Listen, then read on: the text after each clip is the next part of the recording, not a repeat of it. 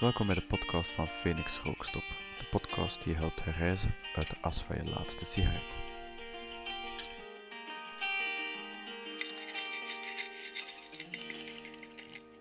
Hey, fijn dat je weer luistert naar een aflevering van de Phoenix Rookstop podcast. Op het moment dat ik deze podcast opneem, is het bijna kerstmis en beginnen veel mensen stilaan voornemens te maken voor het nieuwe jaar. Ongetwijfeld zal stoppen met roken voor vele mensen daar terug eentje van zijn. En misschien pakken ze wel de koe bij de horens en beginnen ze er gewoon onmiddellijk aan op 1 januari. Een nieuwe start. New Year, New Me.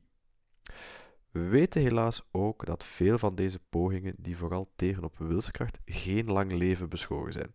Ze stranden vaak al nog voor de maand om is, omdat de stoppoging gewoon onvoldoende onderbouwd is. Daarom wil ik het met jullie vandaag hebben over het vormgeven van een plan van aanpak, alvorens je nog maar een stopdatum prikt.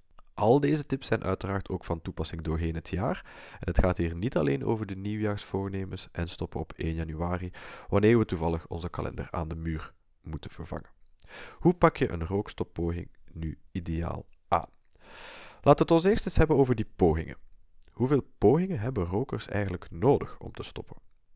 De consensus in de literatuur spreekt meestal van 5 of 7 pogingen. Sommige pessimistische studies spreken zelfs van 30 pogingen. Dat is helemaal demotiverend natuurlijk. Nu is de vraag wel wat deze studies bekijken als een poging. Is een impulsieve beslissing waarbij je alle sigaretten de deur uitgooit en het misschien 48 uur volhoudt door op je tanden te bijten, is dat ook een poging? Ja, op die manier ga je snel aan 5 of 7 pogingen zitten, natuurlijk. In mijn werk als tabacoloog wil ik dit aantal stoppogingen drastisch naar, drastisch naar beneden krijgen. En bij voorkeur uiteraard ook dat deze stoppoging onmiddellijk de laatste keer is dat je stopt. Laten we eerst en vooral daarom eens kijken naar waar het meestal fout loopt. De voornaamste reden dat het fout loopt in mijn ogen is dat mensen vaak slechts één iets gebruiken om te stoppen of het vol te houden, namelijk wilskracht. En terwijl wilskracht zeker waardevol of nodig is bij een rookstop, is het een beetje magertjes om enkel daarop te vertrouwen. Elke uitdaging of tegenslag knauwt aan je motivatie en doorzettingsvermogen en jij bijt op je tanden tot het niet meer lukt. De Nederlandse auteur en psycholoog Martin Appello schreef een leuk boekje over waarom veranderen meestal mislukt. Daarin beschrijft hij de cirkel van valse hoop en die gaat ongeveer als volgt. Je start met een goed voornemen en je hebt ook snelle eerste successen. Dat zien we bij beginnen sporten, dat zien we bij een dieet, maar ook bij rookstop. Mensen complimenteren je, je voelt terug meer vrijheid in je longen, je ruikt terug meer. De eerste successen motiveren je om door te gaan.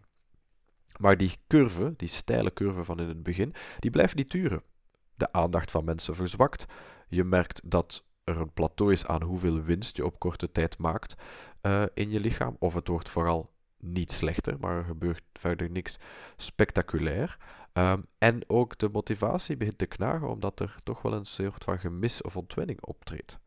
Je voelt een zekere teleurstelling. En dat knaagt. Je houdt vol, je bijt op je tanden tot het niet meer gaat. Je geeft op. En je verwijt jezelf dat het weer niet gelukt is. Je zegt dat je te zwak bent, dat je niet sterk genoeg bent, dat je niet genoeg wou. Die zelfverwijten wegen hard door. Dus op termijn gaan we de schuld ook bij onszelf leggen en jezelf vrijpleiten. Ja, het is toch wel super moeilijk om te stoppen met roken natuurlijk. Of ja, het is de tabaksindustrie die het ons zo moeilijk maakt om ons verslaafd te houden. Je laat het los, je legt de schuld buiten jezelf en je gaat verder met je leven als roker tot er terug ruimte komt mentaal om het een nieuwe kans te geven en je start met een nieuw goed voornemen en een nieuwe rookstoppoging waarbij de cirkel zich opnieuw kan herhalen. Ja, zo kan je inderdaad even bezig blijven. Er zijn ex-rokers die zweren bij wilskracht en die toch blijven zeggen: gewoon die knop omdraaien. Dit maakt dat deze mensen vaak gezien worden als voorbeelden van discipline en mensen en maakt dat dat mensen in hun voetsporen willen volgen en falen. En die mensen denken dan bij zichzelf: het ligt aan mij, ik zal wel niet genoeg, sterk genoeg zijn. Wel, beste mensen, laat het alsjeblieft voor eens en voor altijd duidelijk zijn: met enkel en alleen te vertrouwen op wilskracht bewijs je niets en faal je meestal in je opzet. Trouwens, als ik met mijn getraind oor luister naar het verloop van de rookstop van die zogezegde wilskrachtstoppers, dan hoor ik eigenlijk best veel zaken die ze deden om niet enkel van wilskracht gebruik te maken. Ze hebben nagedacht over de steun die ze nodig hadden. Ze hebben een alternatief gevonden om de sigaret niet zo hard te moeten missen. Enzovoort, enzovoort. Allemaal kleine hulpjes die niet verkondigd worden, achter de muur van zelfdiscipline en wilskracht, en ze blijven dan ook onzichtbaar voor andere mensen. Daarom wil ik jullie vandaag een overzicht geven van de stappen die je best onderneemt en de vragen die je jezelf kan stellen voor je stopt. Wat is er nodig om onmiddellijk een geslaagde rookstoppoging te doen? Wel, we hebben een plan van aanpak nodig voor alle drie de types verslaving die roken inhoudt. En dat heb ik al benoemd in aflevering 2. Het roken is een fysieke, mentale en gedragsmatige verslaving. 3 in 1. In aflevering 2 heb ik het ook voorgesteld als een meerkoppig hydramonster dat je moet verslaan. Goed, stap 1 voor het maken van je plan van aanpak. Waarom wil je eigenlijk stoppen? Denk er even echt goed over na. Want ik kan me al voorstellen dat er nu heel wat snelle antwoorden in je opkomen. Ah ja, roken is slecht. Uh, ik wil stoppen voor een betere gezondheid of om meer geld te hebben. Oké, terechte antwoorden. Maar deze antwoorden komen er vaak te snel uit. Je gaat er te los over. Denk wat langer na. Maak het zo persoonlijk mogelijk en volg niet gewoon de massa. Waarom wil je meer geld of gezondheid? Wat ga je daarmee doen? Visualiseer je toekomst zonder roken, waar jouw gewenste voordelen zichtbaar worden. Wat heb je gekocht? Zie je jezelf vaker uit eten gaan of mooiere reizen maken?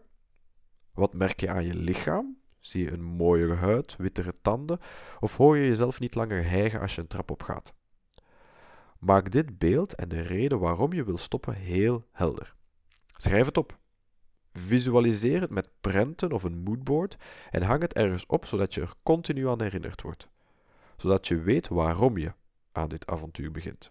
Want het wordt een avontuur en er zullen moeilijke momenten zijn.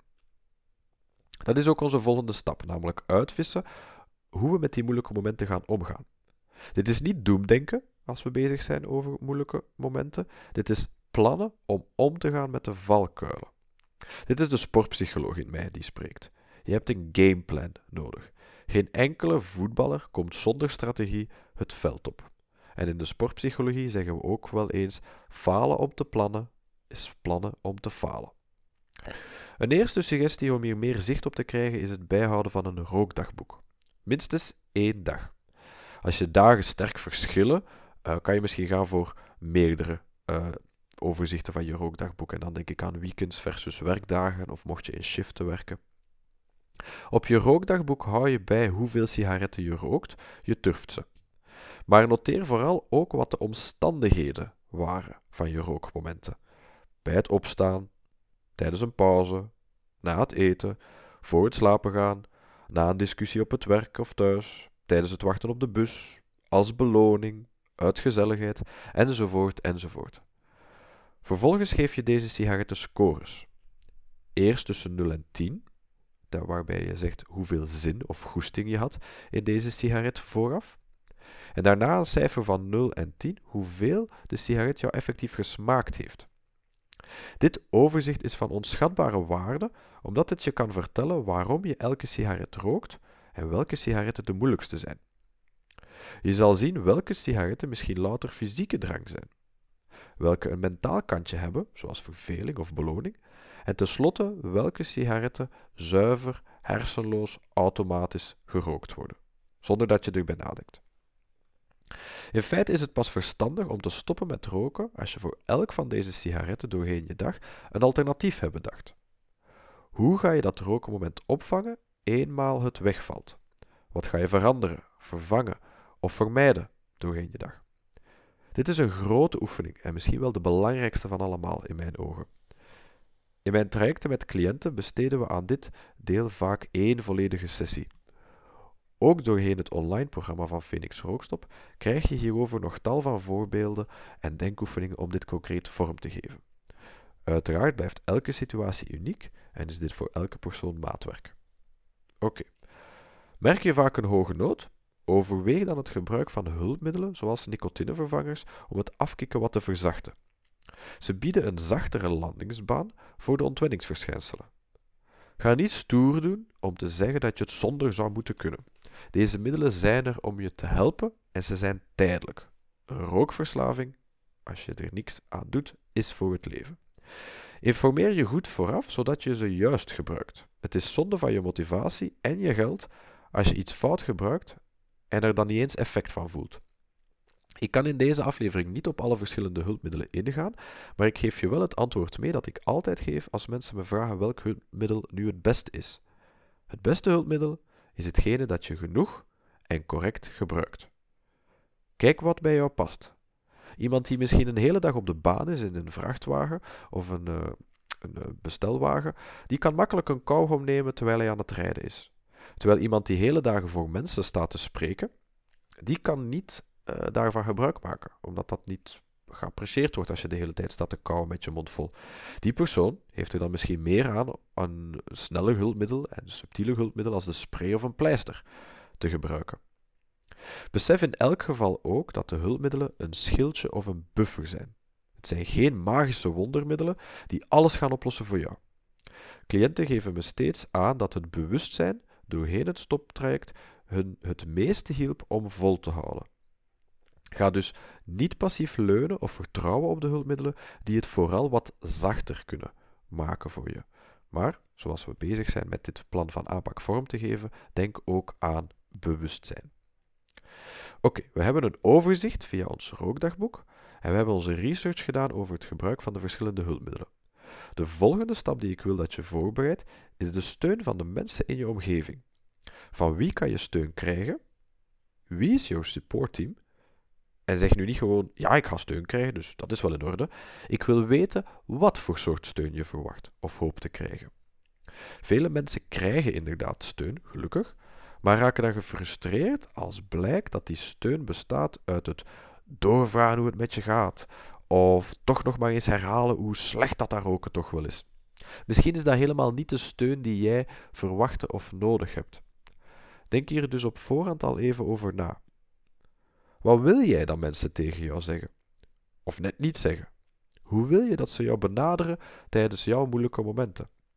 Communiceer hierover vooraf met je omgeving, zodat iedereen het weet hoe dat ze jou optimaal kunnen bijstaan. Een ander aspect van je omgeving zijn je rooktriggers. Wat ga je doen met al je asbakken, aanstekers enzovoort? Gooi je ze weg? Geef ze weg? Zet ze ver weg in een kast, het maakt me niet uit. Maar zorg dat ze niet de hele tijd in je ooghoek staan en je verleiden om te roken. Als je een partner hebt die nog zou roken uh, in huis, kan je afspraken maken over waar de rookmiddelen liggen, zodat jij er ook niet continu met geconfronteerd moet worden. Dit brengt me ook bij wat je gaat doen met je laatste sigaretten. Rook je door tot ze gewoon op zijn? Of zet je een duidelijke stopdatum en gooi je de rest weg? Ik ben niet de tabacoloog die zegt dat je een heel symbolisch ritueel aan je laatste sigaret moet koppelen. Dit kan krachtig zijn als vorm van afscheid, maar het is zeker niet verplicht. Maar zorg dat je een duidelijke keuze maakt in wat je met de laatste sigaretten doet. Anders is het maar een onwennig afscheid.